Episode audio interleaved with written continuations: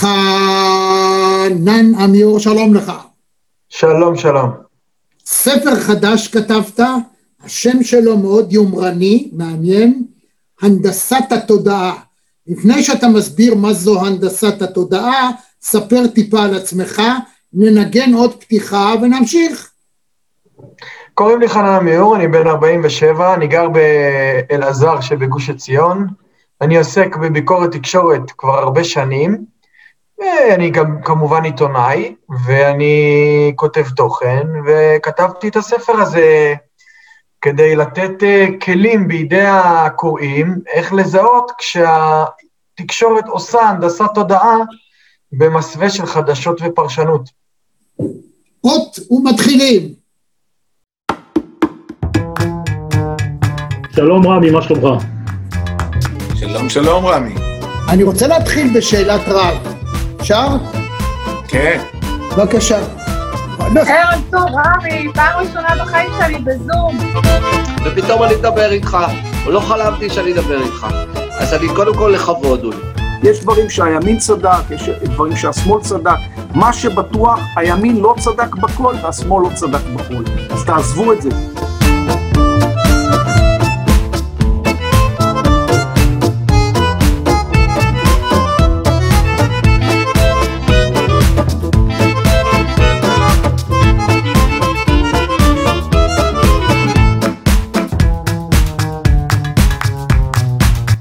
רמי יצהר, הכבוד כולו שלי, תמיד תמיד חיבבתי, אהבתי והערכתי את העבודה המקצועית שלך, וגם בערב הזה, כמו שאני אומר, האנשים הצעירים יש להם את הכוח, אבל אני יודע את הכיוון. אני לא עשיתי את. זה במודע ובמודע לגמרי שאני עלול לשלם מחיר, ובסוף גם שילמתי. אני גאה בזה שהזמנתי אותך לרעיון הזה, עשית הופעה מדהימה, הספה הברודה יוצאת מן הכלל, אני כל יום, פעמיים ביום קורא את האתר שלך ונהנה מהניתוחים ומהכושר ביטוי והיכולת ניתוח.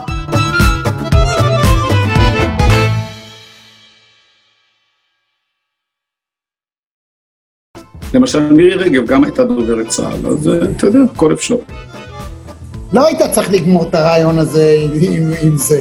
אני חושב שזה לא, קלקל כי היו- קצת. זה קלקל קצת. לא. זה קלקל קצת.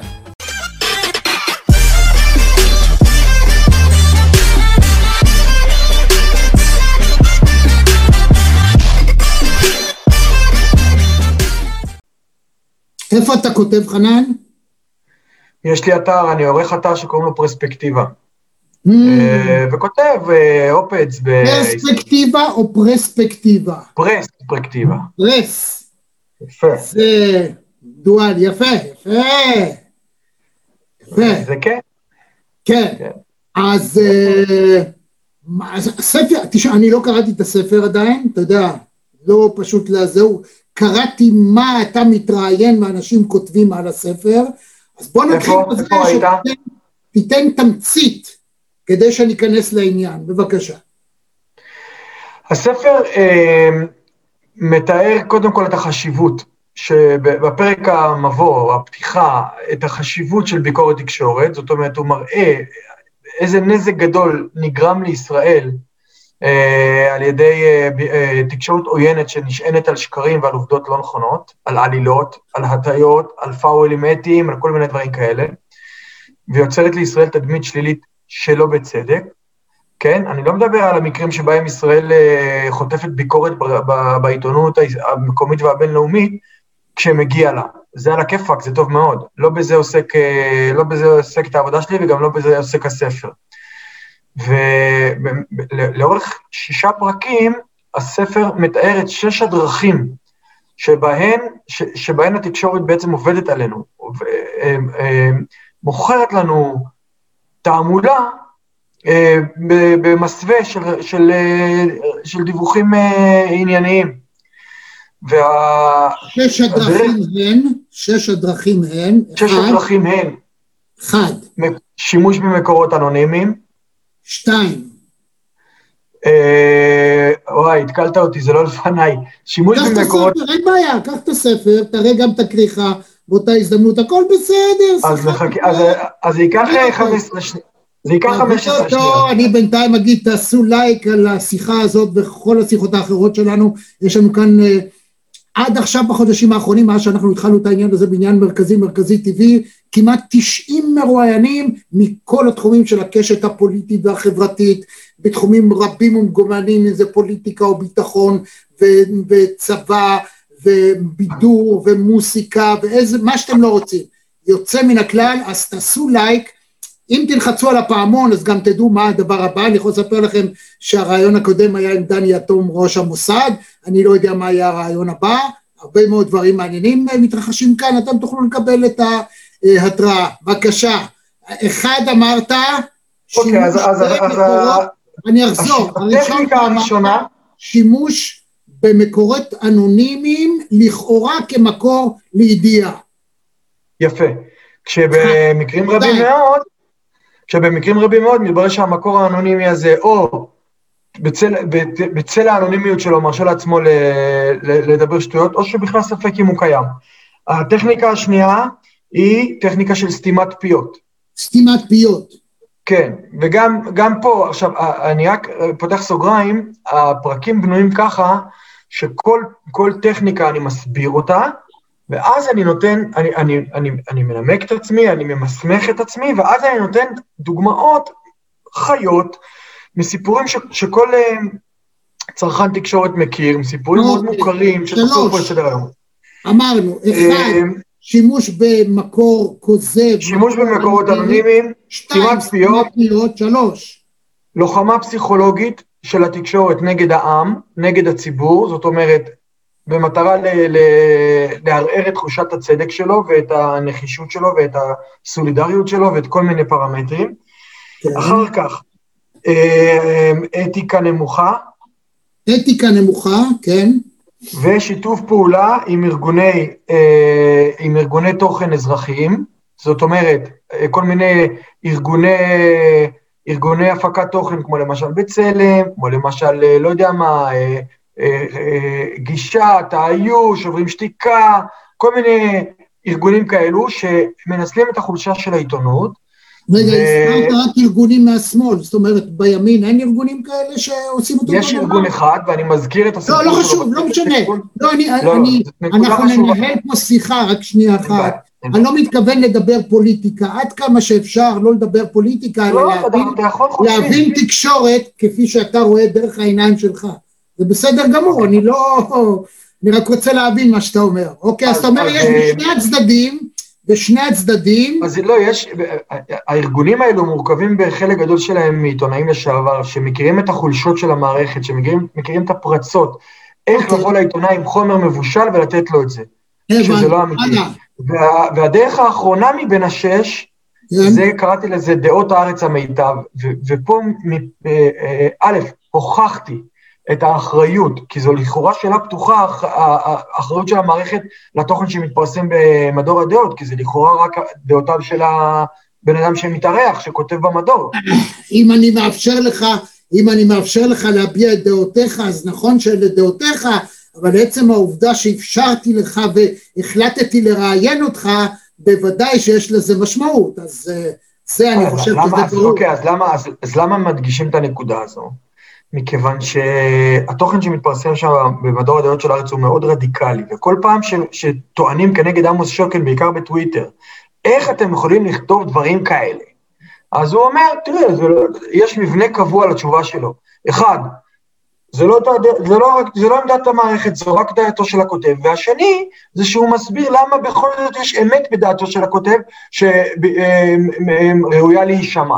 לא, מה אז, שהוא אה, אומר, מה שעמוס אומר, ואגב, אני חייב להגיד שאני איתו ועם כל האחרים שמן הסתם יוזכרו אה, בקשרי עבודה כאלה ואחרים, גם בתוקף היותי חבר נשיאות מועצת העיתונות, ובספר שלך הבנתי שאתה מזכיר לש... לא לטובה את הנשיאה שלנו דליה דורנר, אז מן הסתם גם נגיע אליה, אז נעשה פה גילוי נאות.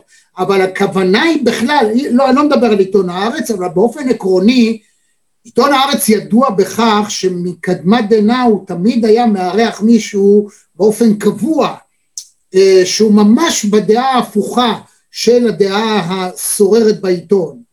אומרת אה, אלדד, אה, שי, כל מיני כאלה אנשים שמאז מקדמת דנא, זאת אומרת גם מפה וגם מפה. זו, הארץ לא המציא את זה, זה דבר שהוא מקובל בעיתונות העולמית, שעיתון שמכבד את עצמו מאפשר גם לבעל הדעה הקיצונית מן העבר השני, ככל שהוא יותר נוטה להיות קיצון בצד אחד, הוא יאפשר לקיצון מן העבר הכי מרוחק להביע את דעתו.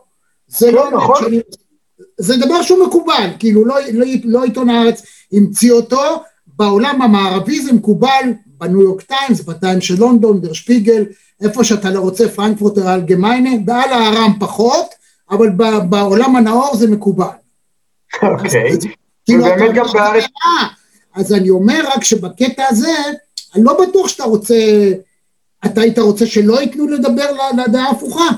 אוקיי, אוקיי. אז קודם כל, זה באמת נכון שעיתון הארץ מארח אה, באופן קבוע מישהו מהדעה ההפוכה, ויש לנו תמיד למטה משמאל בימי שישי את ישראל הראל, במדור דעות של הארץ.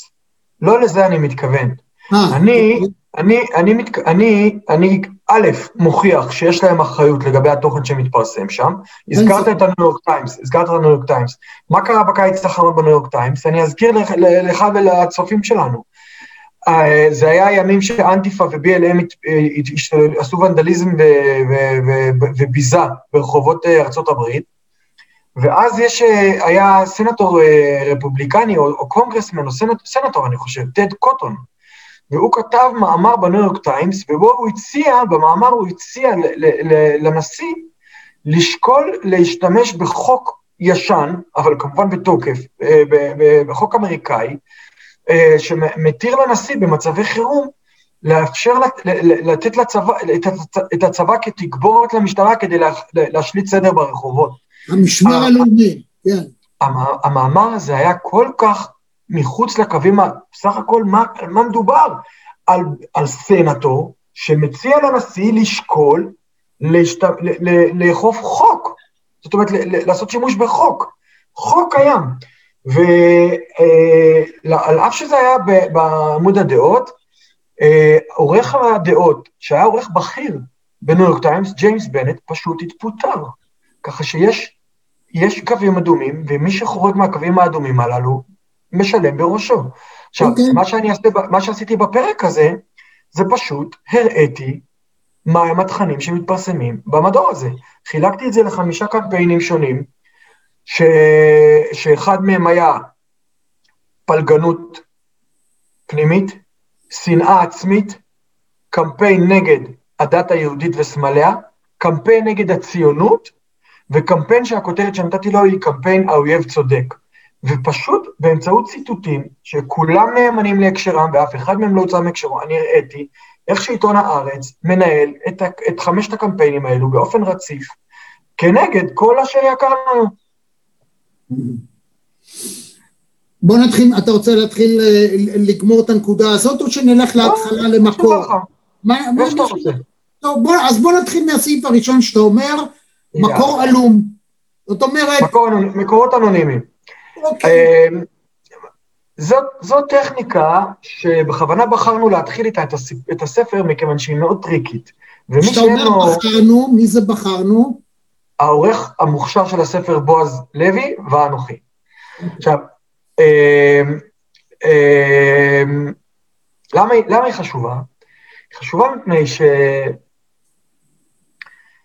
שאין לו אוריינות תקשורת, כן, צרכן תקשורת, שאין לו, הוא לא מכיר את, את אחורי הקלעים, את ה... הייתי קורא לזה, את המעי הגס של תהליך הפקת התוכן. אני אסביר למי שלא כל כך בקיא, קודם כל מה הטענה שלך. אתה אומר ככה, בכל מקום חברים, שעוד תשמעו, תראו, או תקראו, כתבה שבה נאמר מקור בכיר סיפר שזה זה וזה. גורם ב- בליכוד במפלגת העבודה מקורב לאומר ש. הרי שהדבר הזה הוא בהכרח, לא בהכרח נכון, למה? מפני שאין פה אדם שעומד מאחורי האמירה, ולכן אם מדובר ברמת אמינות צריך להפחית עד למינימום את רמת האמינות שאתם מייחסים לידיעה שמתחילה במשפט או בהמשך, כך מסר גורם בכיר או גורם המקורב לראש הממשלה, לשר הזה, לנשיא זה, או כך וכך. צדקתי עד עכשיו? צדקת מאה אחוז, ואני אוסיף על זה, אני משווה ומעלה, זה לא אני אומר. זה לא, לא, אני... אני, תראה, אנחנו מדברים גם לעיתונאים וגם בעיקר לצרכני תקשורת. כן. ולכן כן, אני ל- קודם להסביר את העיקרון ואז לאפשר לך אה, להיכנס אפילו יותר לעומק. זה בסדר מבחינתך? מאה- אחוז רם, ואם אני לא ו- אדייק במשהו, מיד תתקן אותי. סבבה. בבקשה. אני אומר ואני גם מביא את הציטוטים בספר, זה לא אני אומר את הדברים, את הדברים הנכונים שאתה אמרת, זה העורכים הבכירים ביותר בכלי התקשורת המכובדים ביותר ב- ב- בעולם. ואני, ויש guidelines, זאת אומרת ספרי הדרכה למערכות החדשות, שבהם המערכת של כלי התקשורת, ואלו הניו יורק טיימס וה, והטיימס הלונדוני, והכי חשובים בעולם, רויטרס, מתוך, מתוך, מתוך כל אלו אני מצטט את ההנחיות לכתבים. ובכול, לא, לא יודע אם בכולם, אבל בחלק גדול מהם אין שום ספק שזה המיינסטרים, כולל גם בישראל, אה, ציטוטים של עורך העין השביעית לשעבר אה, עוזי בנזימן ואחרים, כמה שבדיוק מהסיבה שאתה אמרת, ה- ה- ה- עיתונות אמיתית אמורה לחוש רתיעה וסלידה מהישענות על מקור אנונימי, מכיוון שמקור אנונימי בהגדרה זה נקע ברגל של האמינות של הסיפור. מכיוון שאלה. שאם... אני אשאל אותך שאלה, כן, שנובעת מניסיוני. אני ניסיון של הרבה עשרות ש- שנות סיפור. אתה הולך להגיד לי שיש הרבה סיפורים גדולים שנחשפו רק, רק הודות לכך לא, לא, אני שואל שאלה, שואל אותך שאלה, שאני כן. בתור עורך, עורך חדשות, הייתי לא אחת אה, במקומות רבים ומגוונים, וכמי שעורך אתר חדשות מ-1999. אומר לי מישהו, שר בכיר, אומר לי, אני נותן לך סיפור, אבל לא ממני. ונותן סיפור. הסיפור כשלעצמו הוא סיפור רלוונטי. אבל האיש, יש לו את הסיבות שלו, והן יכולות להיות מגוונות. אתה יודע, למה הוא לא רוצה שזה יהיה בשמו? וברור שיש לו אינטרס. עצם ההסתתרות שלו נובעת מאינטרס, ועצם הגילוי שלו, ההדלפה שלו, גם הוא גובה תמיד מאינטרס. כל אדם שמדליף, הוא מדליף מתוך אינטרס. אנחנו כעיתונאים, אני אומר את זה כמי שמלמד תקשורת, כמי שמפקח על עיתונאים וכמי שעורך ומדבר עם אנשים שנותנים מידע, אותי האינטרס שלך לא מעניין כל עוד אתה מספר לי את המידע, אוקיי? עכשיו תגיד לי איך אתה חושב שאני צריך, יש לי סיפור טוב, מה לעשות איתו? חוץ מאשר להגיד, תשמע זה בא מגורם שלא רוצה להזדהות, כיוון שכך תתייחס לזה בחשדנות. אגב, אנחנו חיים בעידן שבו גם כשאדם מופיע בשמו, בפרצופו, מקולו, יכולים לבקוע שקרים. היום הזה שאנחנו מדברים, התפרסם סוף סוף, חודש ומשהו אחרי אה, הבחירות בארצות הברית, גמרו לספור את כל השקרים של דונלד טראמפ בארבע שנות כהונה, והגיעו לחמישים אלף, תקשיב את המספר, אתה לא תאמין, אתה לא תאמין, אני רוצה להראות לך, תסתכל, חמישים אלף, אתה רואה לייז, חמישים אלף חמש מאות שבעים ושלושה שקרים, זאת אומרת בממוצע האיש היה בטוויטר שלו נותן, זה ממוצע של בסביבות ימי עבודה ארבעה ביום, בתקופת הכהונה שלו, חמישים אלף שקרים, זאת אומרת, אם מקור אומר לי משהו ומתברר לא נכון, אנחנו חיים היום בעידן אחר שבה בן אדם מתיישב און פאס מול מיקרופון, מול מצלמה ו- ומשקר במצח נחושה, אין לו שום בעיה עם זה. בבקשה. אוקיי, אז אני אומר ככה, אתה, אתה אה, אה, צירפת פה שני עניינים שלדעתי הם, לא, הם, הם, הם, חופפים, הם חופפים אבל הם לא זהים. האחד, זה האינטרס של המקור, תמיד יהיה למקור אינטרס ו, ולכן לא חשוב. הרמב"ם כבר לימד אותנו בהקדמה שלו למשנה, קבל את האמת ממי שאמרה. זאת אומרת, זה לא משנה מי אמר את האמת, השאלה היא האם מה שהוא אומר זאת אמת.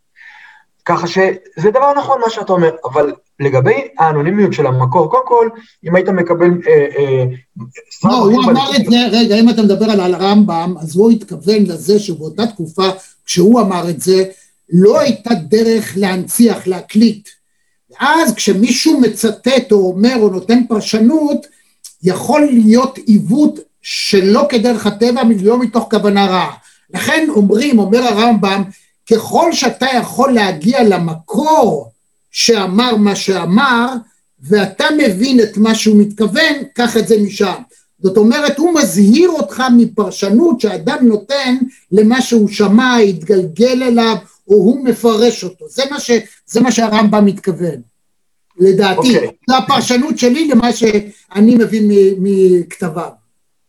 אוקיי, אבל, מה- אבל אם נחזור לענייננו, אתה, כשאתה, אתה אמרת שאתה עורך חדשות ובא לך שר בכיר מה- מהליכוד נניח, ואומר לך, יש לי סיפור, אבל אני צריך להישאר בצל. תשאל את עצמך קודם כל, האם בסיפור שהוא נותן לך יש מידע, או שבסוף זו דעתו? תדע לך שאני בישיבת קבינט סגורה, אני התנגדתי. אז תגיד שחברים בקבינט התנגדו להצעה של ראש הממשלה. זה לא סיפור.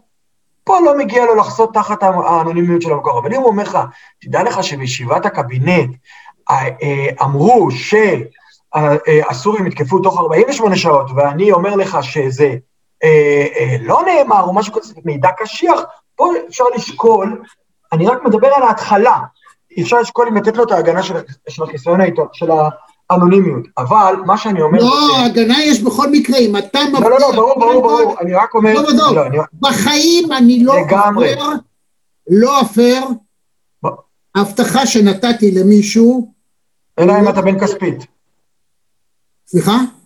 אלא אם כן קוראים לך בן כספית, ולמקור שלך קוראים הילה גרסטל. לא משנה. אתה יודע למה אני מתכוון. אני לא, תשמע, גם בן כספית הוא חבר שלי. אז. אני לא רוצה, אני לא רוצה להתווכח, אה, אז לא ניכנס הוא לא לזה. נמצא פה, אבל אני לא מבין ניכנס מה שאתה. אומר, יש מקרים חריגים. הוא לא הכחיש את זה, לא משנה, לא ניכנס לזה. כן, לא. ניכנס לזה. לא ניכנס לזה. מה שאני רוצה להגיד זה ככה. בוא נשאר ב... כן. ברקע התיאורטי. צריך אבל לסמוך, רגע, תראה, קודם כל, כאשר מישהו אומר, נותן מידע, והוא מייחס אותו למקור בכיר, מקור כזה, או מקור המקורב ל...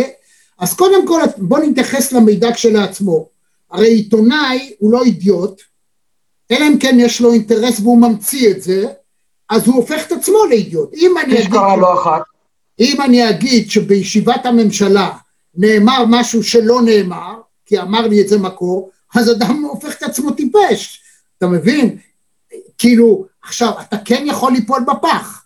צריך כל עיתונאי שמסכים לשמור על אנונימיות של המקור, והוא הולך ומשדר או כותב ומפרסם את זה, הוא לוקח סיכון שמכרו לו לוקש.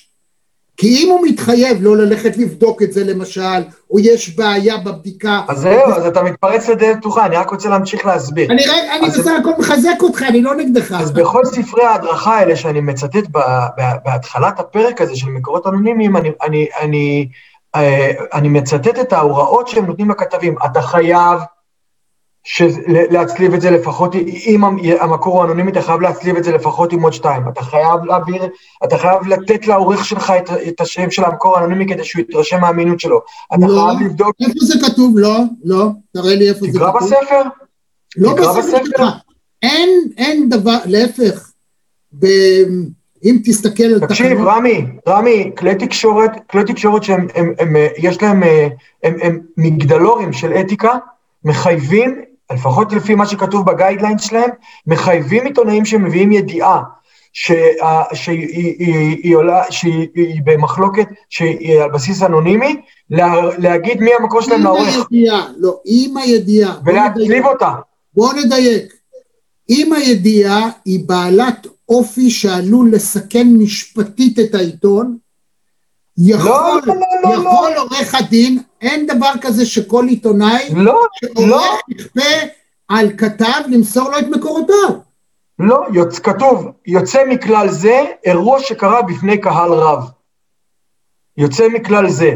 זאת אומרת שאם זה אירוע שלא קרה בפני קהל רב, אתה צריך לעבור שרשרת של רגולציות כדי שהכתבה שלך תת, תת, תתפרסם, על אף שהמקור הוא אנונימי. אתה צריך ששרשרת העריכה תבדוק את זה, ותצ... ואתה צריך להוכ... להוכיח הצלבה, ויש שם עוד כמה וכמה אה, אה, ברקסים אה, כדי לה... להקטין את השימוש. ורק ב-2017, בעקבות תלונות של גולשים, של, אה, סליחה, של קוראים, עיתון ניו יורק טיימס הורה ל- ל- ל- לצ- לצמצם בצורה דרמטית את ההישענות על מקורות אנונימיים, ואכן, כתוצאה מההנחיה הזו, זאת אומרת, ופסילה, פסילה סיטונית של סיפורים שנשענו על מקורות אנונימיים, היקף הידיעות שנשענו על מקורות אנונימיים בעיתון ירד ב-30 אחוז. הכל כתוב בספר. אז עכשיו, אני, מה, אני מביא ב- בספר אה, דוגמאות, אני אתן לך דוגמה. נחום ברנע כותב אה, יום אחד, שבמסגרת הק- הסגר על, אה, על רצועת עזה, ישראל אה, מנעה הכנסה של מוצרי היגיינה, טמפונים, לתוך רצועת עזה. עכשיו, כמובן, המקור הוא אנונימי. עכשיו, לי זה, לי זה לא היה נראה הגיוני, מכיוון שאני יודע שהחומרים שישראל מונעת את אה, הכנסתם לרצועת עזה זה כאלה דו-שימושיים. למשל חנקן לחקלאות, שיכול לשמש גם להכנת פצצות, או בטון לבנייה, שגם יכול לשמש לבניית מנהרות תקיפה. אני לעולם לא נתקלתי בזה, ועכשיו אני, אני עצבני פשוט, כי אין דבר יותר נבזי, יפה. נבזי, מאשר לכתוב משפט כזה. אז זה מה שהוא אין כתב. דבר בעולם יותר נבזי, אלא אם כן אפשר להוכיח שמדינת ישראל הייתה משאית עם טמפונים, והמשאית עם הטמפונים, רק את הטמפונים אסרו להכניס. ואם זה- כן, אז אני רוצה זה אפילו לא מה שהוא כתב. דובר צה"ל.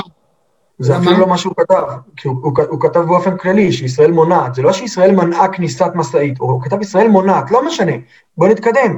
ה- הלכתי למתאם פעולות ממשלה בשטחים, ביקשתי תגובה, אמרו לי לא, לא מכירים, תפנה לשב"כ. הלכתי לשב"כ, אמרו לי לא מכירים, תפנה למ- למתפ"ש, למנהל לתאם פעולות ממשלה בשטחים. הבנתי שאני לא יוצא פה, התקש- התקשרתי לנחום ברנע, אמרתי לו, תשמע, מאיפה, מאיפה הבאת את זה, הם מכחישים. אז הוא הפתיע אותי, אמרתי לו, מי המקור האנונימי שלך? והוא הפתיע אותי, והוא נתן לי את המקור האנונימי, הוא אמר לי, מי שהיה אז ראש אגף מדיני- מד- מדיני-ביטחוני ב- במשרד הביטחון, אלוף במילואים עמוס גלעד. אז התקשרתי לעמוס גלעד, ומה עמוס גלעד אמר לי? שזה שקר מבחיל, שהוא מעולם לא אמר את זה, שזאת לא פעם ראשונה שנחום ברנע אומר את זה, ושזה לא היה, והוא אמר לי, במילים פשוטות בשפה העברית, לא היה ולא נברא.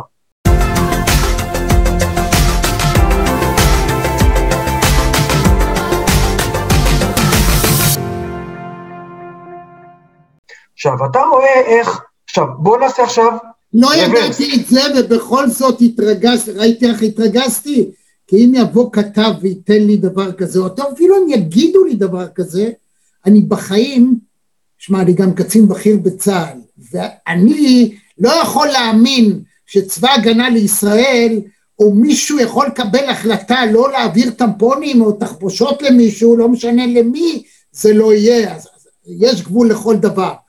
אז נכון, את, אתה יודע, אני רק, הוא לא רוצה שאנחנו מזה, אנחנו מנהלים כאן שיחה מאוד חשובה, מאוד חשובה בעיניי בנושא של uh, תקשורת בכלל. אגב, יש הרבה מקומות שנעשות הרצאות וכדומה, ואני מאוד מאוד אשמח מאוד לארח אותך, כי אתה, אתה מעלה את הפן המאוד קונקרטי ומעניין, ויכול מהדברים שלך ללמוד, וחייבים ללמוד איך לצרוך תקשורת נכון. ותקשורת זה לא רק עיתון רדיו טלוויזיה או כשמישהו הוא אה, איש בכיר, זה גם וואטסאפ, זה גם ציוץ בטוויטר. תדע מהם הכללים שבהם זה נכון או לא נכון. נכון שכל אדם יכול לצאת מכליו כשהוא רואה שנשיא אמריקאי, האיש הכי חשוב בעולם, ארבע שנים, שיקר חמישים אלף פעם ויותר. אז אתה אומר וואלה, אם הנשיא משקר חופשי, אז אי אפשר להאמין לשום דבר. גם זה נכון. עדיין צריך להיות פוטנציומטר, וכל אחד או יגדיל או יחליש. אבל אתה יודע מה? ברנע בעשותו כך, ואני מאוד שמח ש, שזה יתגלגל, וגם אמרת שעמוס גלעד הכחיש את זה מכל וכול, הוא קודם כל גורם נזק לעצמו. מפני שאם אדם בבפנים שלו מסוגל להיות עד כדי כך, לא יודע, אני לא רוצה להיות אכזר בשמות התואר שאני יכול לתת, אז אני מרחם עליו, אוקיי, אני אני מרחם חושב, עיתונאי. אז אני, המוטיבציה שהביאה אותי לעסוק בעניין הזה היא הייתה שאני דווקא לא מרוכז בנזק שהוא גורם לעצמו, אני מרוכז בנזק שהוא, אני מחשיב את הנזק שהוא גורם לישראל. מכיוון שהשקרים האלו, כדוגמת השקר הזה, האפקט המצטבר שלהם הוא מאוד גדול והוא, והוא, והוא חמור מבחינת ישראל. ולכן אני בכלל ניגשתי לעיסוק הזה בביקורת תקשורת, מכיוון שהמטרה שלנו היא, להג... של הארגון שאני, שאני עומד בראשו, שאני עורך אותו, פרספקטיבה, זה להגן על ישראל מפני דיווחים כוזבים, מפני ביקורת לא הוגנת שמוטחת בה על בסיס שקרים. ובגלל זה אני שם. עכשיו, בואו נעשה רוורס. אם ברנע היה מעביר את הידיעה שלו בכל שרשרת הרגולציה הזאת שמתוארת במדריך, בספרי ההדרכה, האם היא הייתה רואה אור? היו אומרים לו, לא, מה- אתה אם אתה מצפה, בוא נגיד לצורך העניין, האם אתה מצפה שאני כעורך, נגיד שמישהו כותב לי את פרשן כותב והוא אומר לי, לצורך העניין, כמו שהוא אמר לך, את שם המקור, משהו פה לא, תראה, אחד משניהם משקר. זאת אומרת, זה לא בהכרח, לא במאה אחוז, אני אומר לך כקצין בכיר במצ"ח, לא בהכרח השקרן במקרה הזה הוא נחום ברנע, לא חייב להיות. יש גם אפשרות אחרת, נכון? תיאורטית. הוא יכול היה, לה- הוא יכול היה לנסות להגן על שמו הטוב, הוא בחר ל... לא, אבל תיאורטית, תיאורטית, תיאורטית, נכון. אחד מהשניים משקר. אתה בוחר להגיד, לחשוב, להניח שנחום ברנע, אבל גם יכול להיות עמוס גלעד, יש מי שייחס לו לא אחת חריקות בנושאים של אמת או לא אמת, נכון? למה אתה מחייך, נכון? נכון לא. או לא? רמי, רמי, רמי, שנייה רגע. כשאתה כותב כזה משפט בעיתון, אנחנו הרי שנינו מבינים תקשורת, כשאתה כותב משפט כל כך כל כך חמור בעיתון, אתה צריך לדעת שאתה הולך על קרקע בטוחה מבחינה משפטית. זאת לא, זה אומרת- נבזי, להפך, הוא הולך על קרקע מאוד אף אחד לא יתבע אותו על דבר כזה, אבל זה משפט נבזי, כי זה אומר שכאילו מדינת ישראל... למה אף אחד לא יתבע אותו על זה? ישב המנכ"ל, לא חשוב, ישב למה המנכ"ל, לא? למה לא? ישב. הרמטכ"ל, לא, לא, לא, לא, לא, אני אגיד לך, אני אגיד לך את המשמעות. גם אם זה נכון שאתה מטיל סגר כולל, הרי זה מה שעכשיו אומרים, אסור לטוס חמישה ימים, אז תמיד בטלוויזיה בערב יביאו מקרה של אחד שסבתא שלו חולה, וחלילה היא גם נפטרה ולא הגיעה, כי לא רוצים שהקורונה תיכנס לארץ. אז יאשימו את הממשלה וכדומה. אבל כשברנע כותב את זה, אז מה המשמעות? המשמעות שיכולים להבין זה השמצה של הצבא. כאילו ישב מתאם הפעולות בשטחים עם הרמטכ"ל ושר. הביטחון וראש נכון. הממשלה ואמר איך נתאכזר בעזתים רגע, אתה יודע מה? בוא לא ניתן להם להכניס טמפונים. זה נבזי, זה נבזי. אני, אתה חייב להקריא לי את כל המשפט, כי אולי זה הוצא מהקשרו. אבל אם רק זה מה שיוצא מהמשפט, זה נבזי, ולכן עיתונאי שעושה את זה, הוא קודם כל פוגע בעצמו, או הוא מונע משנאה תהומית מטומטמת. אצלי זה לא אוקיי. היה עובר בתור עורך, גם אם זה היה נכון. אגב, אוקיי. גם אם עמוס גלעד היה אומר את זה, אני לא הייתי נותן את זה בשום פנים ואופן, אלא אם כן שעמוס גלעד יגיד את זה.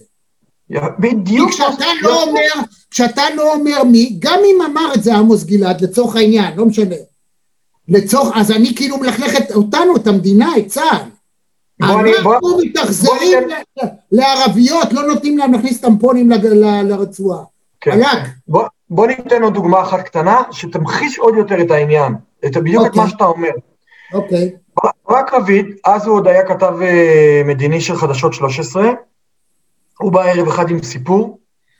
אה, טוב, עבדו על נתניהו, אה, הוא אומר לנו, הוא אומר לנו נתניהו שהוא סיכם עם הרוסים על הרחקה של האיראנים אה, 60 קילומטר לפחות לעומק סוריה מהגבול איתנו, אבל ארבעה מקורות בכירים במערכת הביטחון, שארבעה מקורות שונים אמרו לי שלא, שזה רק ל... ש... שהרוסים עשו ממנו צחוק, ושבעצם מה שסוכם זה שהאיראנים יורחקו רק למרחק הרבה יותר קצר, לשישה עד עשרה קילומטר. נכון, אני זוכר את הידיעות האלה. יפה. עכשיו, אנחנו הרי יודעים שזה לא מה שקרה, אנחנו יודעים שבסופו לא של. דבר... אני לא? יודע, אני- אני זוכר את ה... לא, אני לא נכנס...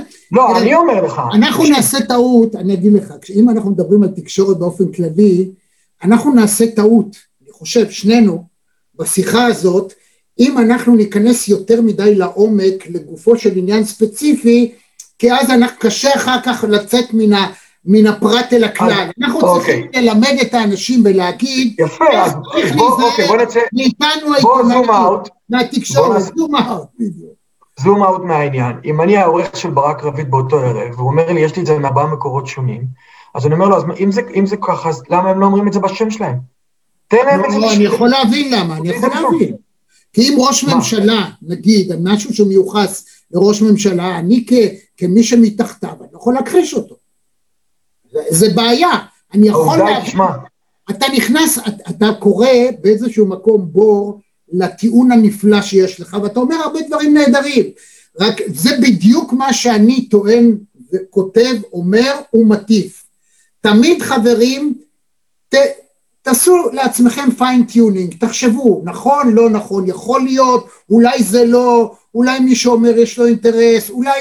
עכשיו, אם אותו כתב באופן סיסטמטי, שוב ושוב ושוב, טוען ממקורות עלומים דברים שהם הפוכים למה שדווקא מישהו ספציפי מסוים, אז יכול להיות שיש לו חשבון אישי עם אותה דמות. זאת אומרת, אנחנו צריכים ללמוד, אנחנו צריכים לדעת, אנחנו, כל צרכני התקשורת, חייבים ללמוד לצרוך תקשורת נכון. וצריכת תקשורת נכון, זה אומר קודם כל חשדנות. ספקנות. אתה תהיה חשדן לגבי כל דבר שאתה קורא, נכון. שומע או רואה. אגב, גם כשפוליטיקאי אומר את זה, אפילו אם זה ראש ממשלה, אפילו אם זה נשיא ארצות הברית. אוקיי, בסדר.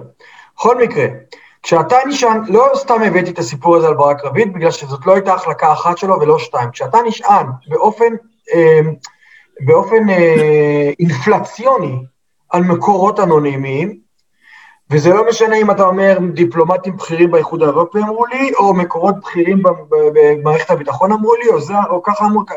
אם אתה משעין הרבה מדי מהדיווחים שלך על מקורות אנונימיים, זה, זה גורם לחולשה באמינות, ו- ואת נכון. הדבר הזה, את הדבר הזה צריך לצמצם את, את ההישענות הזו למינימום. זאת רעה אוקיי, חולה ראשונה. שתיים, דיברנו על סתימת פיות. עכשיו, יש הרבה דרכים לסתום פיות. אני נותן אה, אה, בספר אה, סקירה היסטורית, ואני מראה שסתימת פיות החלה עוד לפני קום המדינה. עכשיו, מה שמעניין זה שבאמת ב, בימים הראשונים, תגדיר סתימת פיות. בוא, בוא, בוא, סתימת-. אנחנו מדברים לבן אדם שנה א' לומד תקשורת. סתימת פיות, אוקיי, כן. כל מי שחורג משורת המקהלה, מהמסר שבעל הכוח מעוניין בו, ייסתם פיו באלף טוענות. אם יש עיתון שנאבק בדוד בן גוריון בימים של, של טרום הקמת המדינה, על, על, ב, ב, ב, בזירת הרעיונות, כן, במאבק בשוק הדעות, למשל עיתון של המפלגה הקומוניסטית, אז, אז הוא יכול לסתום לו את את, את הפה בהרבה מאוד דרכים, למשל, הוא יכול לא לתת לו נייר. הרי באותם ימים היה אה, אה, קיצוב הקצבה, אה, נכון. היה את הכסף, את, הכ... את המטבע הזר שהיה, שמרו לנשק ולאוכל. עכשיו. צריך לקנות נייר לעיתונים. אז אמרו, העיתון של מפא"י יקבל הקצבת נייר, אבל העיתון של אה, רק כך, או, או לא יודע מה, או מק"י, לא יקבל אה, הקצבה. וככה כן. זה, זה, לעיתון הזה קראו. כל העם, לעיתון הזה שאתה מדבר, קראו לו יפה, העם. ב-1953 היה בג"ץ כל העם, שהיה היה מאמר שהתפרסם בעיתון עיתון של מק"י, שקראו לו כל העם, שקר- שגם הוא אה, סנט בבן גוריון, בן גוריון התחרפן, התעצבן, דרש משר הפנים שלו לסגור את אה, כל העם, ואז הוגש הבג"ץ, ואז בג"ץ אמר, לא יהיה, ובעצם בג"ץ באותו שלב סתם אה, את הגולל על האפשרות של סתימת פיות מטעמים של תוכן. לא מתאים לי מה רגע, שאתה אומר, אני אדגיש. פה, אני אדגיש שדבר מדהים, במדינת ישראל, עד לפני לא יותר מדי שנים, היה צריך רישיון בשביל לפתוח עיתון. כן, לכן מי שלא היה לו רישיון מטעם משרד הפנים, לסגור עיתון, אפשר היה לסגור לו את העיתון. נכון. לסגירת העיתון, זה היו תקנות הגנה לשעת חירום. ישראל הייתה אה, מדינה במצור באותה תקופה, בתקופת ההק- הקמה שלה, ותקנות ההגנה לשעת חירום הם פחות או יותר אותן, מה שנקרא צווי חירום שהיום ממשלת ישראל משתמשת לצורך המלחמה בקורונה, אסור לך לצאת מהבית, 500 מטר, 1,000 מטר, אסור לך לנשום, אם לא תשים חתיכת בד קבל קנס, אם יהיה שלוש פעמים קבל קנס כזה, אחר, אפשר לעצור אותך וכדומה. אז תקנות ההגנה לשעת חירום היו מאוד מאוד מחמירות, היו גם בעיקר על הערבים, אני פשוט אגב זה מכניס טיפה היסטוריה שידעו, למשל הערבים לא יכלו לנסוע לכל מקום, לנוע מהמשולש, היה, היו אזורים, אחר כך זה מוטל. עכשיו, בנוגע לתקשורת, אני רק מחזק את מה שאתה אומר, אמ, עד אה, תקופה מסוימת, כל עוד המפא"יניקים שלטו, אבל גם אחר כך, היה מה שנקרא ועדת האורחים. מה זה נכון. ועדת האורחים? היה דבר פשוט. במקום א' היה צנזורה, ב' היה ועדת האורחים. הצנזורה בכל זאת מוגבלת בפסילת ידיעות שהן בעלות אה, אלמנט ביטחוני מובהק. מה עשו המנהיגים? מה עשו ראשי ממשלות? היו מכנסים. היו, היו מכנסים את האורחים, דהיינו לכל עיתון היה נציג, ואז היו מגלים להם בשושו. אתם יודעים, אתמול חפרנו מנהרה כזאת וכזאת, ששש, הנה אתם יודעים. זה נקרא, עד היום זה קיים, קוראים לזה שיחות רקע. שיחות רקע, דהיינו האישיות הביטחונית, אה, דברים כאלה עושה ראש מוסד, אה, רמטכ"ל, שר ביטחון וראש ממשלה, עושה שיחות רקע והוא מחליטים מעכשיו לא מדברים. ואכן לא היו מדברים. וכך אפשר היה לשלוט. אם אתה כבר מזכיר את ועדת האורחים, ואנחנו ככה בראש קצת היסטורי, אז רק נזכיר את אקורד הסיום שלה, את אקורד המוות שלה. היה אה, מה שנקרא אסיר איקס, בן זיגר, הסוכן מוסד ההוא שהתאבד בכלא ברמלה, שהוא היה בעצם אה, אדם תחת, תחת אה, ההפעלה. וההתאבדות שלו פתחה תיבת פנדורה גדולה, וזאת הייתה הפעם האחרונה שכונסה ועדת האורחים כדי להגיד להם, תקשיבו, קרתה לנו הפדיחה הזאת, אבל ששש, כמו שאמרת. ואז הארץ החליט שהוא פורש יותר, מה, מהקרקס הזה יותר ולא חוזר, וכנראה שוועדת האורחים לא תתכנס יותר. אבל בואו נחזור לעניין שלנו של הטכניקות המעניינות, הישירות והעקיפות לסתימת פיות. אז אמרנו, כל העם סגר בפני המדינה את האופציה לסתום פיות, או לא דווקא את אה, בפני המדינה, בפני בעלי אה, מוסדות הכוח, את האפשרות לסתום פיות בטענה של תוכן שלא מקובל עליהם. אבל זה לא אומר שהפסיקו לסתום פיות, פשוט עברו לכל מיני נימוקים פרוצדורליים, מנהליים. אנחנו מדלגים, 15 שנה הלאה הוקמה רשות השידור. עכשיו, ברשות השידור לא הייתה נציגות, אנחנו מדברים כמובן על ימי שלטון מפא"י, לא הייתה שום נציגות אה, מבין העיתונאים ל- לרוויזיוניסטים ולדתיים לאומיים, והיו על זה ממש דיונים בכנסת. ושאלו אותם, למה, למה, למה רק, אה, למה, למה אין ביטוי ל- ל- ל- לאנשים האלו, מה, לחלקים האלו מהעם? ואז הם אמרו, תשמעו, הדתיים לא יכולים לעשות משמרות בשבת, ואלה ככה ואלה ככה, וכל מיני נימוקים כאלו, למה אין, אין ברשות השידור, כמובן, מכסף ציבורי, ביטוי ל... ל- ל- צריך להגיד את מה ש- האמת, רגע, מה שאתה אומר עכשיו הוא נכון, אבל לא כל האמת, מה שנקרא. מחלקת דת הייתה מהרגע הראשון, לא, תעזוב אותך מחלקת היום. בתנ"ך, רגע, לא, אתה יודע, שלא יבינו, שלא יבינו לא נכון. פרקי היום בתנ"ך היו עם בורך שיין מאז ומתמיד. אה, אתה? פסוקו של יום זה מהרגע הראשון שהייתה טלוויזיה. בוא, זה לא, לא, אני רוצה אתה פשוט... רק מחזק את הטענה שלי. אין לי בעיה לי טענה בכלל. לתת לרוויזיה-. אבל זה לא. שאמרו דתי או בן אדם עם כיפה לא ייכנס. אני עבדתי. ברשות השידור הרבה מאוד שנים עם הרבה מאוד אנשים שהם אנשי... אה, אנשים עם. כיפה כמוך, הכל בסדר. בוא נחזור לשנות ה-60 וה-70. לתת ל- לרוויזיוניסט או לדתי להקריא את פסוקו של יום, או לדבר על פרשת השבוע ביום שישי בצהריים, זה בדיוק לסתום לו את הפה. כי אנחנו לא צריכים אותו שם, אנחנו צריכים לא, לא. אותו ב control של מבט, אוקיי? נכון, יפה. ואחר כך, ואחר כך, כתוצאה מהמדיניות הזאת, הוחלה, אה, אה, הימין החליט לה, לה- להקים לעצמו כלי תקשורת משלו. אז נכון. הוקם למשל ערוץ 7 בדיוק אחד לאחד לפי הדגם של הספינה של אייבי נתן כל השלום. אנחנו נשדר כאילו מחוץ למים לא, מה הטריטוריאליים. שלא כאילו, ערוץ 7 שהוקם והיה מעבר לקו הירוק במקום, בעוד שאייבי נתן, אתה חייב לדייק, כי אתה פה עם רמי, רמי יצהר. קדימה, קדימה, קדימה. אז ככה, אייבי נתן שידר מחוץ למים הטריטוריאליים. מה אתה אומר? שיד... אני הייתי על האונייה, בסדר? תגיד לי, ולא אתה אחת. מכיר את הלוח? עם סירה, עם סירה היינו נוסעים, שמע, אלה עובדות, אני הייתי שם. לא, לא, לא, לא, לא. העובדות, אחר העובדות, כך זה היה, אחר כך הוא התחיל לשדר ברחוב פרוג בתל אביב.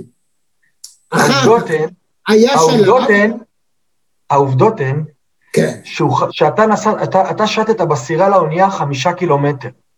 וזה חקוק על לוח זיכרון של עיריית תל אביב עד עצם היום הזה. האנשים שש- ששומעים אותנו יכולים עכשיו ללכת מול חוף פרישמן, נדמה לי, זה, זה שם. לא, לא, זה ברחוב פרוג הייתה... לא, לא, לא, לא, לא, אני מדבר על לוח הזיכרון שעיריית תל אביב אה, על- מול החוף לזכרה של אוניית כל השלום אה, של אה, אייבי נתן, ושם כתוב שהיא עגנה חמישה קילומטר מהחוף, וכולם יודעים שהיא עגנה חמישה קילומטר מהחוף. מי יודע, מי ידע את זה טוב מכולם? העסקנים שהקימו את ערוץ 7, הם אמרו, אם אייבי נתן שידר חמישה קילומטר מהחוף בחופשיות מלאה למעלה מ-20 שנה, וסגר אותה בסוף רק בגלל שהיו לו בעיות טכניות בספינה, והייתה לו בעיה תזרימית, אבל אף אחד לא הפריע לו לש, לשדר מחמישה קילומטר מהחוף, וכמו שאתה אומר בהמשך, מ- מהיבשה, אז גם להם לא, לא יפריעו. לא. ו- אה, והספינה שלהם, ארץ הצבי, גם היא עגנה חמישה קילומטר מהחוף, אבל לא. אותה סגרו באיזה טענה שהיא הוגנת בתוך המים הטריטוריאליים. מה שהרשו לאייבי נתן, הם היו כל כך תמימים לחשוב שמה שהחליקו לאייבי נתן, יחליקו גם להם. זה לא קרה. אחר כך הקימו את עיתון ישראל היום, ועשו כל מאמץ לסגור אותו בכל מיני טוענות, אסור לתושב חוץ, אסור חינמון, אסור ככה, אסור אחרת.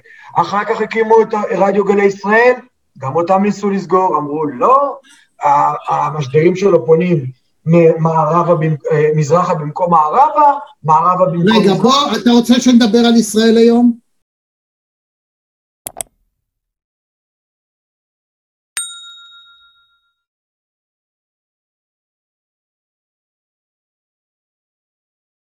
כן, אני, אז אני, אני אגיד מה הייתה הטענה אז ואיפה היה החשש. היום ישראל היום אנחנו כבר יודעים, מכירים אותו, אני באופן אישי חושב שהוא עיתון מצוין. אם אתה מבין, אם אתה יודע לקרוא אותו, ואם אתה רוצה להתייחס אליו כעיתון, עזוב את הפוליטיקה ותקרא כל שאר הדברים האחרים, עיתון מן המעלה הראשונה. בתחום הפוליטי אתה יודע בדיוק, אין סודות, יודעים מאיפה הוא בא, אז אתה יודע איך להתייחס אליו, זה הכל בסדר גמור. ובטבלואיד האחר, רגע, ובטבלואיד האחר ידיעות אחרונות בתחום הפוליטי אתה יודע או לא יודע? בוודאי, אוקיי. בוודאי, אין פה אוקיי. בכלל, אה, אף כל, אחד יודע. בעד אולמרט מי היה, מי נפגש עם לפיד, אין סודות, זה לא. כל אחד יודע, אני לא יודע אתה יודע, אה, מי היה הבעלים של מעריב ומה הקשר שלו לשלטון וכדומה, כל אחד יודע בדיוק, אין פה סודות. העניין של ישראל היום אז, אם אנחנו נעזוב שנייה את הפוליטיקה, הייתה בעיה, שזה הפעם הראשונה שבא מישהו מבחוץ. היום אנחנו יודעים ששלדון הוא בהחלט ציוני ואוהב ישראל, נכון הוא איש ימין, יש לו את הפוזיציה שלו, זה רק הפוזיציה, אבל אמרו מה יהיה אם מחר יבוא איזה איראני וישים הרבה כסף וכל אחד יתחיל לעשות פה עיתון.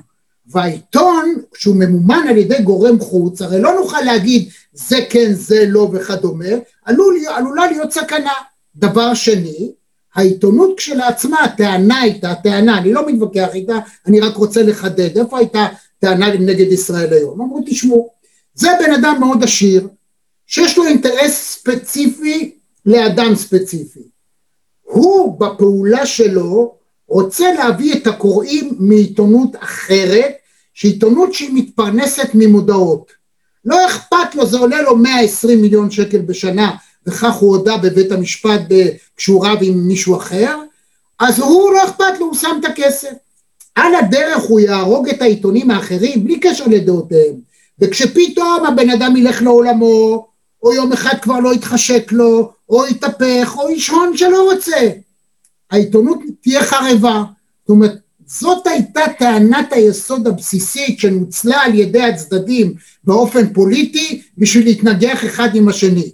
אני אומר את זה בתור עיתונאי שהמחשבה שלי הייתה בלי קשר לפוליטיקה, יש איזה בעיה כשאתה יודע, הסינים קנו את תנובה, כל המדינה הייתה דאגה, עד שאם לא יהיה בחוזה הבטחה שהסינים מחר לא יכולים לקחת את, את כל המכונות, את הידע ואת הכל ולהגיד לעולם בארץ לא יימכר יותר גבינת קוטג' ואנחנו כולנו רגילים לבית שלנו אז זה היה תנאי ואחר כך כל דבר שהפריטו היה תנאי. זאת אומרת, החשש הבסיסי, נכון מה שאתה אומר ומה שכולם אומרים, אבל צריך להבין מאיפה זה בא. היה חשש מסוים שיש בו סוג של הצדקה. למזלנו, שלדון אדולסון הוא לא אדם כזה, אז אין בעיה. אני מכיר, אני כמובן מכיר את מה שאתה אומר, אבל אני כופר בזה, ואני, אתה יודע למה? בגלל שאני רואה מי הוביל את כל העניין הזה, ומי שהוביל את כל העניין הזה היה המתחרה העסקי, נוני מוזס. ברור, היה לו אינטרס, אבל האינטרס שלו... לא, לא, תשמע. אני מדבר מנקודת מבט של, של צרכן okay. חדשות.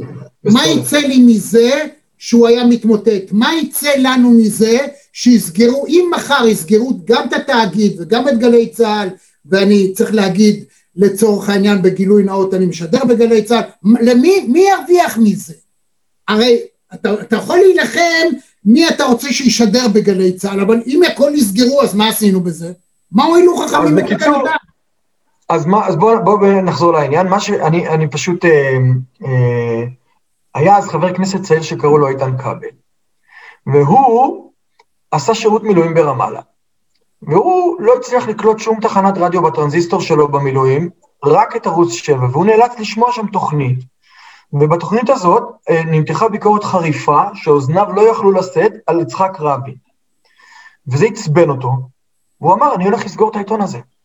אה, אה, אני בכלל חזרתי לערוץ 7, אבל אנחנו בכלל בישראל היום, סליחה, בלבלתי אותך.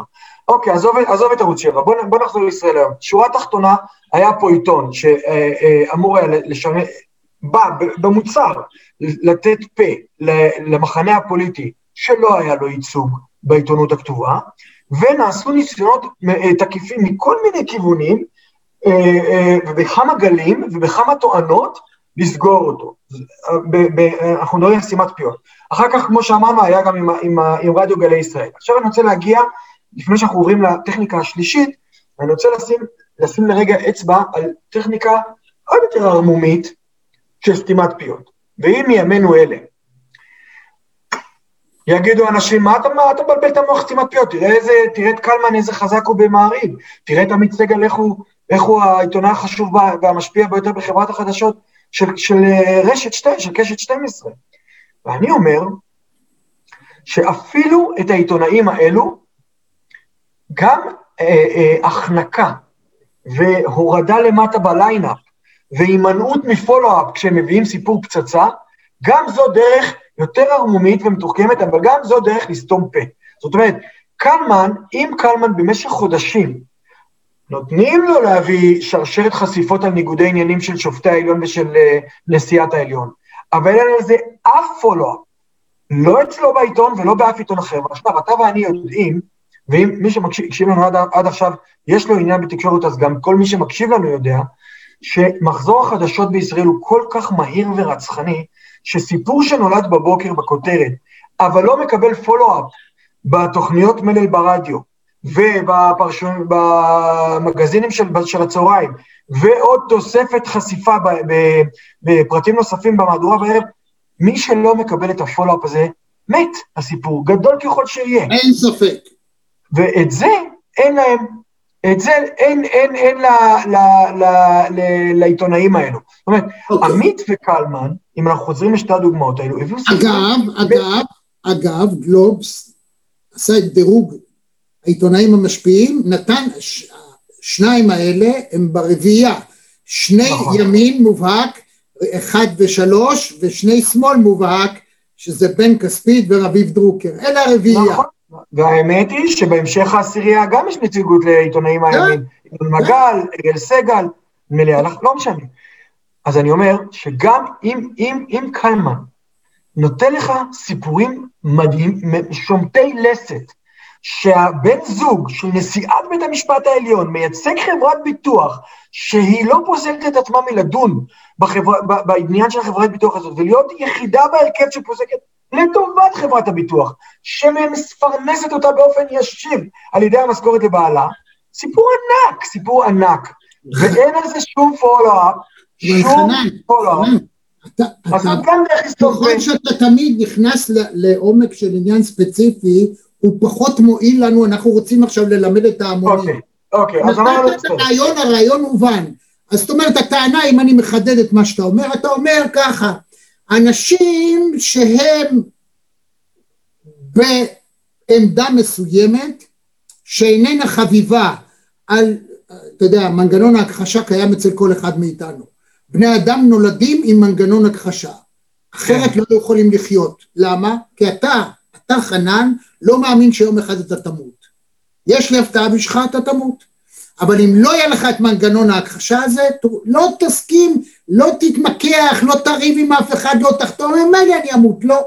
יש לנו במובנה מנגנון הכחשה, ולכן מנגנון הכחשה הזה עובד לכל, לכל המקומות. אז, אבל כיוון שמספר אחד, לצורך העניין, מספר אחד הוא כן איש ימין מובהק, והוא כן, תשמע, הוא, סגל, הוא גם עובד בכלי התקשורת מספר אחד, שקובע את סדר היום.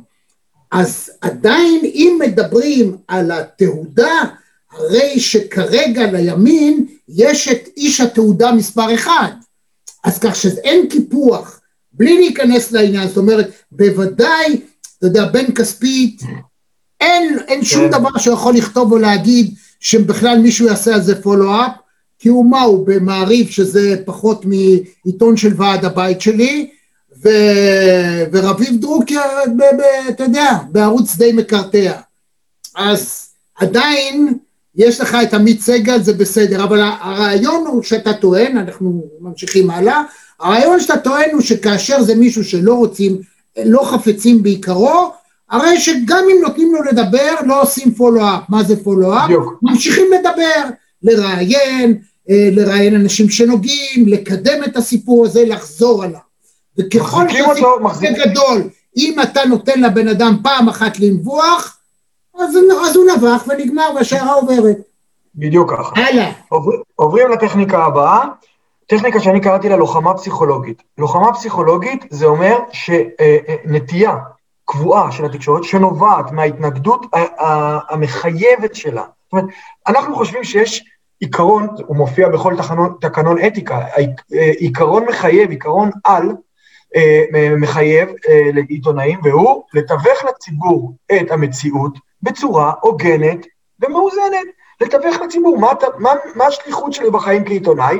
אני אסביר באמצעות חד, אה, אה, רפורט, באמצעות חדשות, או באמצעות פרשנות, אבל אני, אני אתווך ל- ל- ל- לקהל שלי, לקוראים, למאזינים, לצופים, אני אתווך להם את המציאות, ואני אעשה את זה בצורה הוגנת.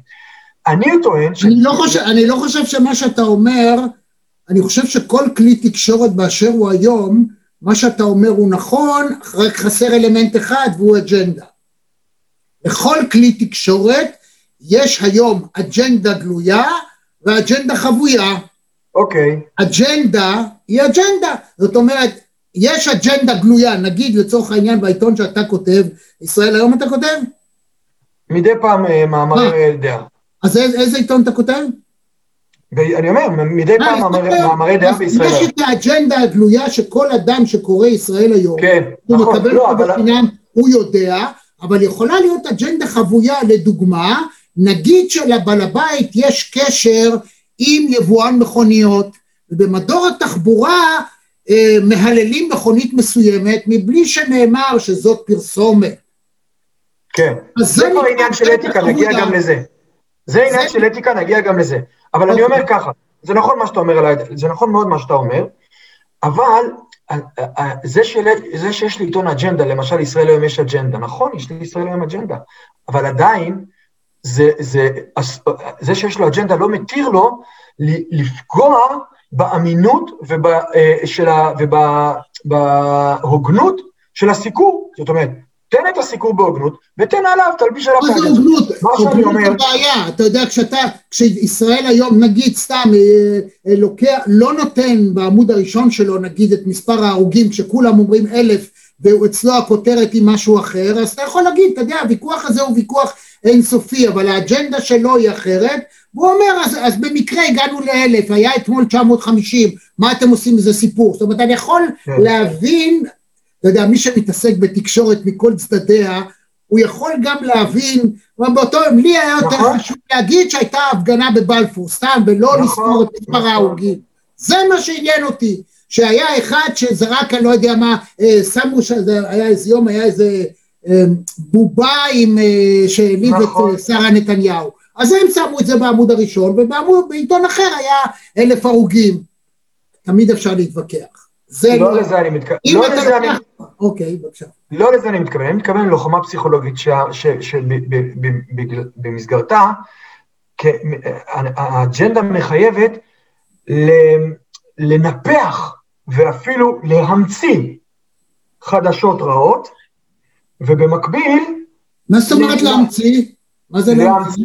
תכף אני אתן לך דוגמה, דוגמאות, להמציא, הפרק מלא בדוגמאות כאלו, לנפח או להמציא חדשות רעות, ולהחניק או להסתיר חדשות טובות.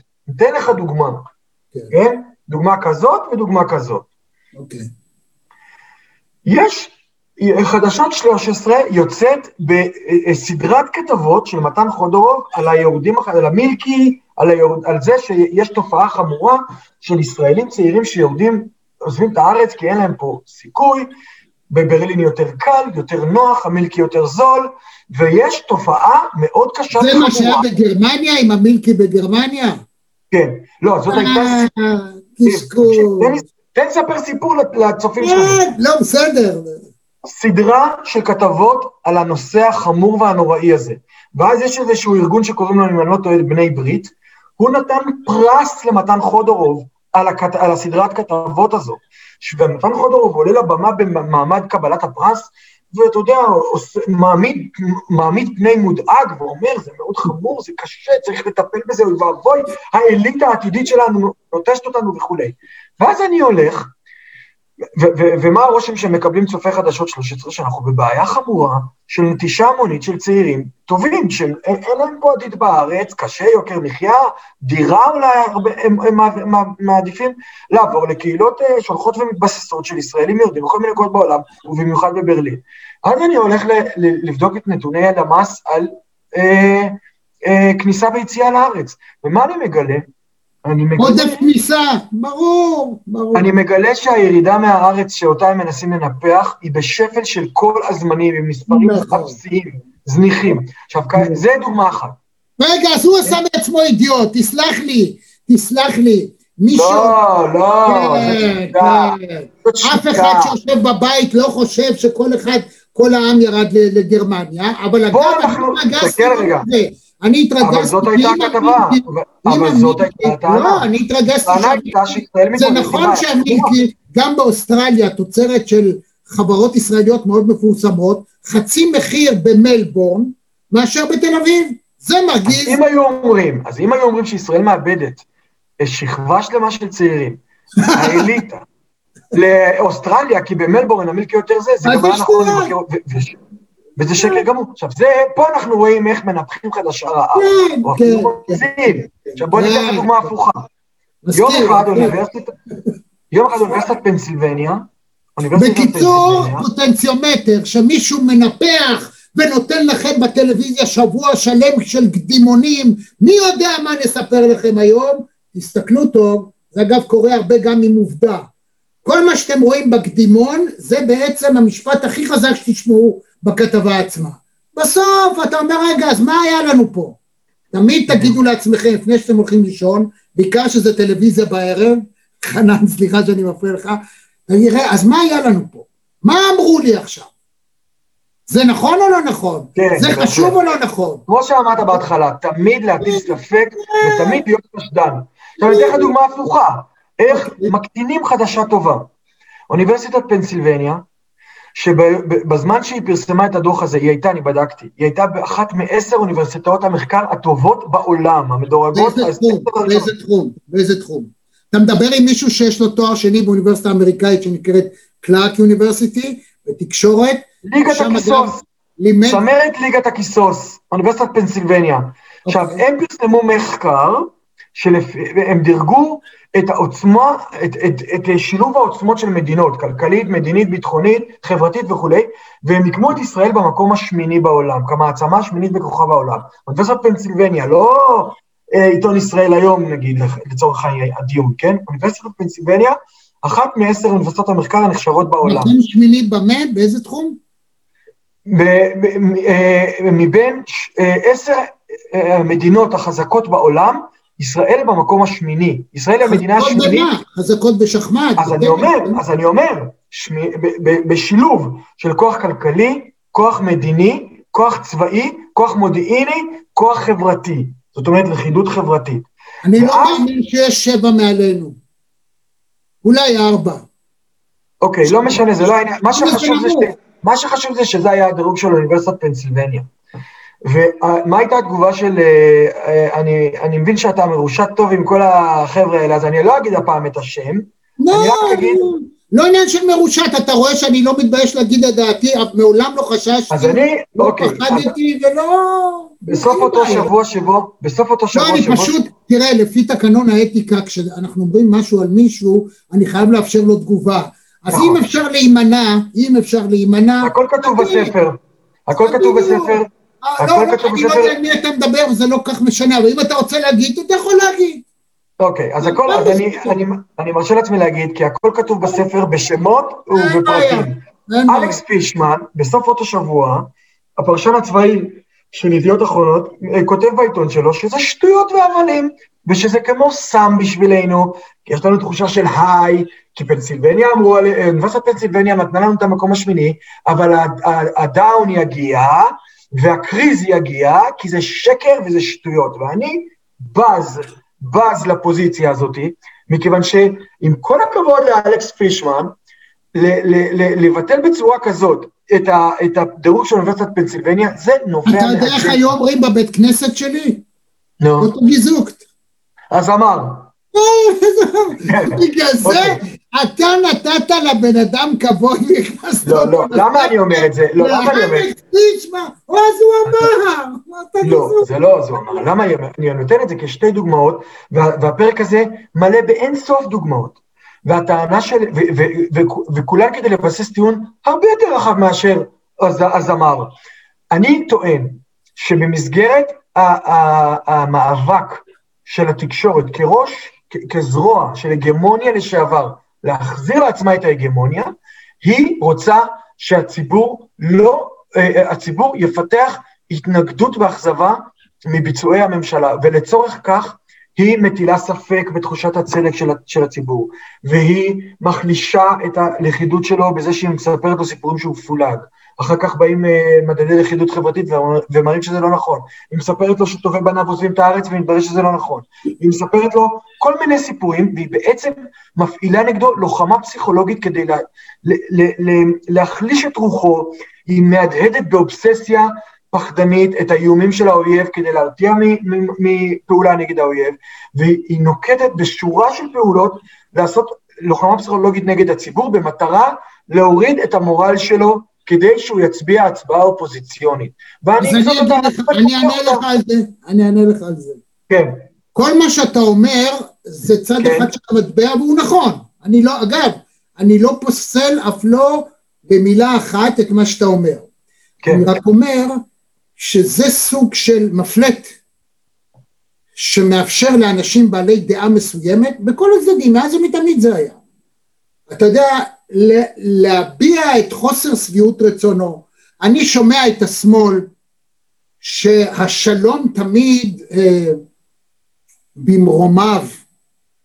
כאשר מדינת ישראל ובנימין נתניהו חותמים הסכמים עם חמש מילים שמעולם לא היה לנו, הטיעונים שאתה שומע הם מגוחכים. הם, הם פשוט מגוחכים.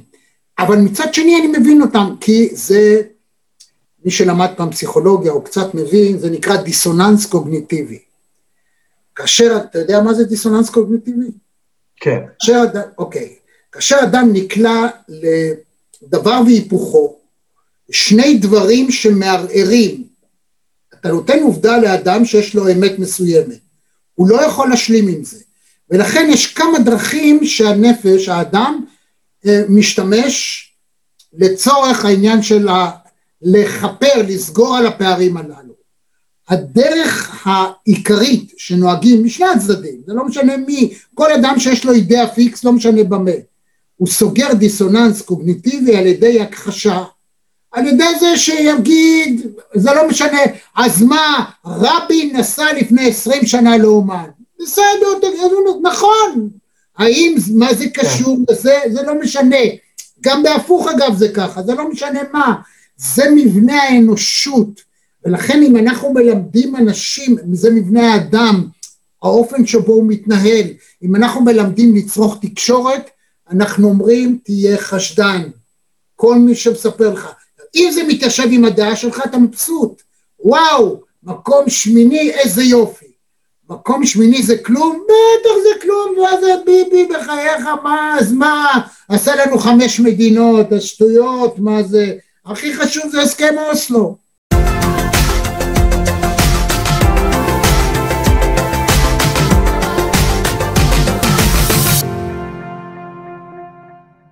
כל אחד, נכון, נכון, אתה- אתה צודק. אבל זה כל אדם ככה, אני יכול אותו דבר לצחוק על הצד השני, אבל זה מבנה, מבנה האדם, מבנה האישיות שלו, ככל שעיתונאי יצליח להבין את זה יותר בקלות ולהוציא את עצמו מהמשחק, למה אני בז לעיתונאי שכותב על טמפונים דבר כזה?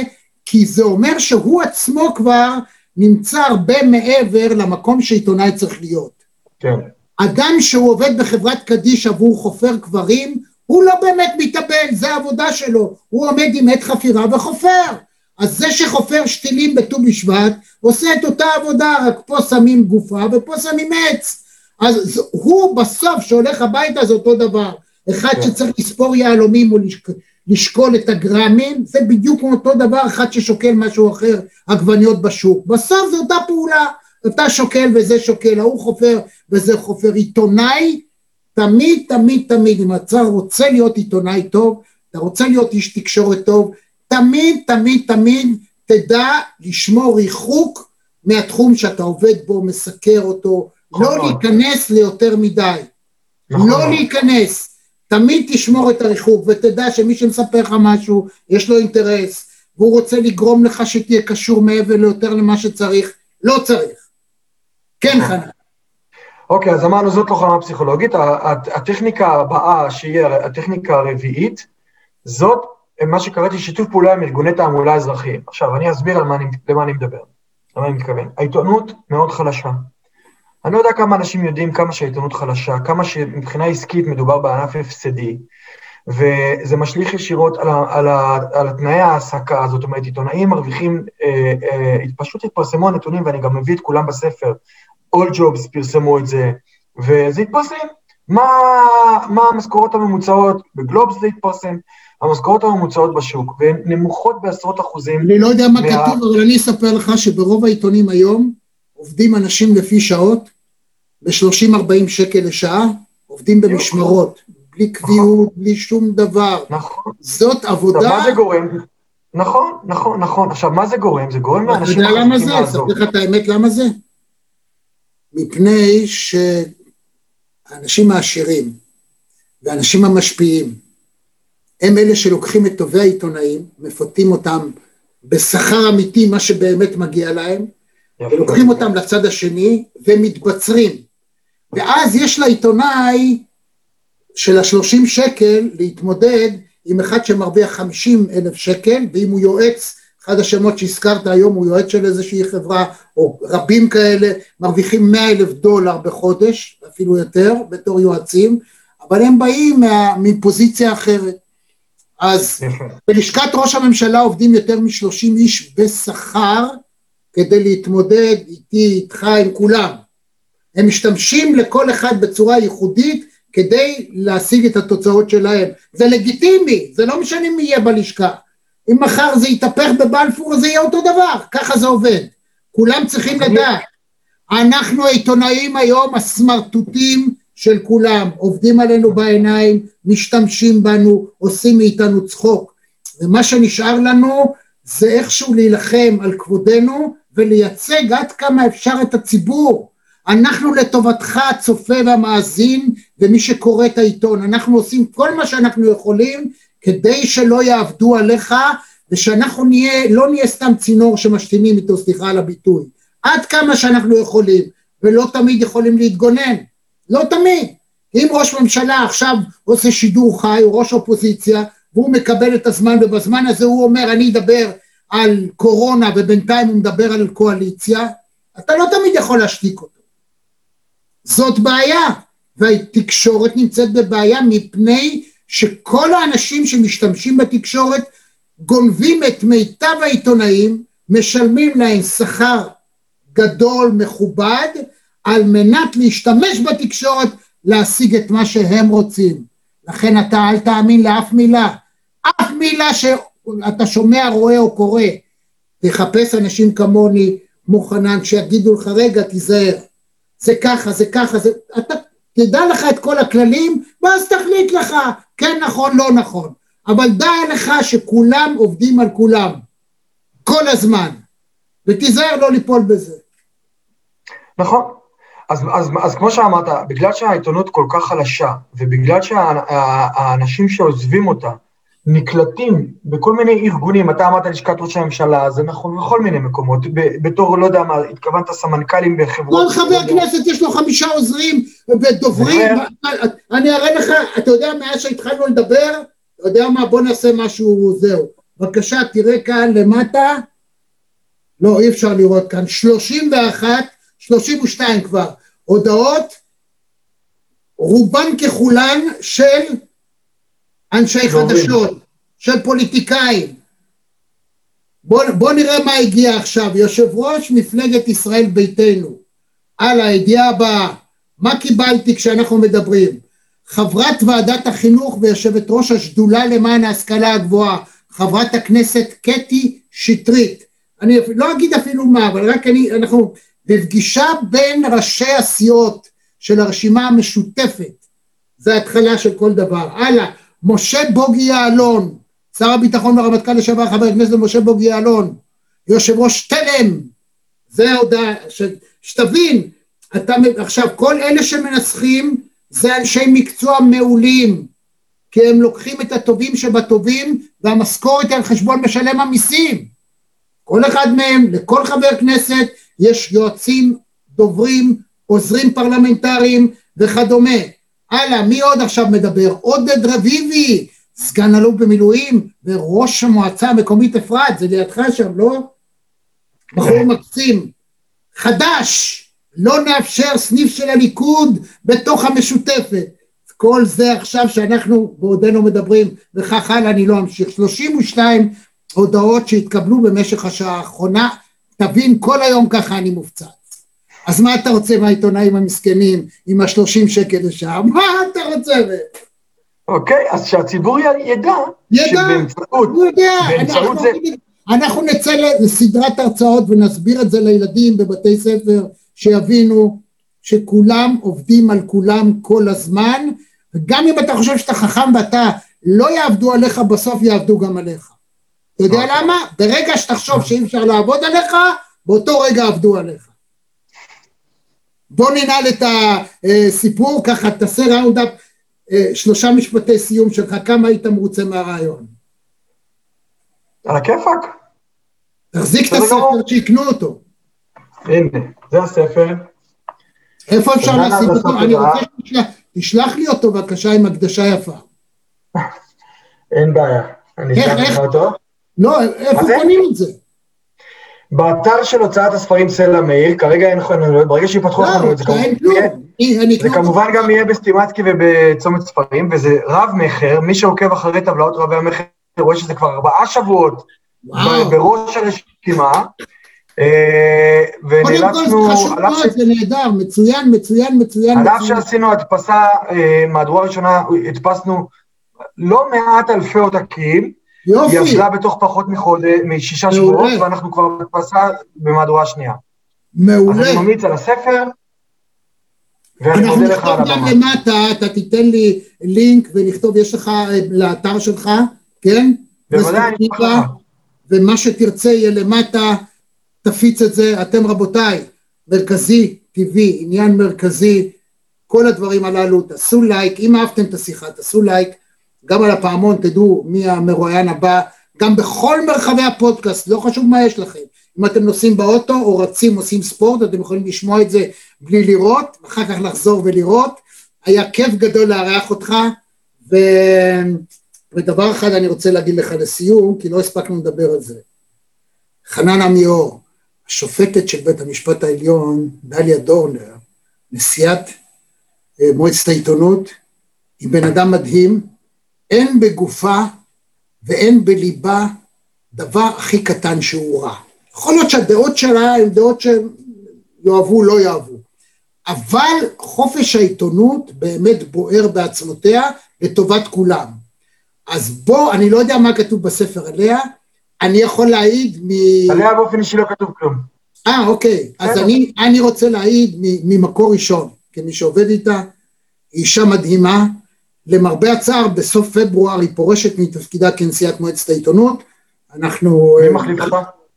עוד לא נקבע, כאילו מחפשים, בדרך כלל מחפשים מהמיליה הזה של אה, שופטים או מישהו שיש לו כן. standing מה שנקרא, מאוד מאוד חשוב, מאוד חשוב שמועצת העיתונות תמשיך להיות אה, מרכיב חשוב במאבק על חופש העיתונות לטובת כולנו. היום זה בשלטון, מחר הוא, תמיד קודם כל אנחנו צריכים לשמור על, ה, על העצמאות שלנו כתקשורת, כמו שצריך לשמור על המשטרה ועל הצבא ועל כל דבר שהוא אזרחי וחשוב בבית חולים, בלי קשר למפלגה. כולנו. נכון מאוד. אני חושב שגם אתה רוצה את זה, לא? נכון, בוודאי. בוודאי.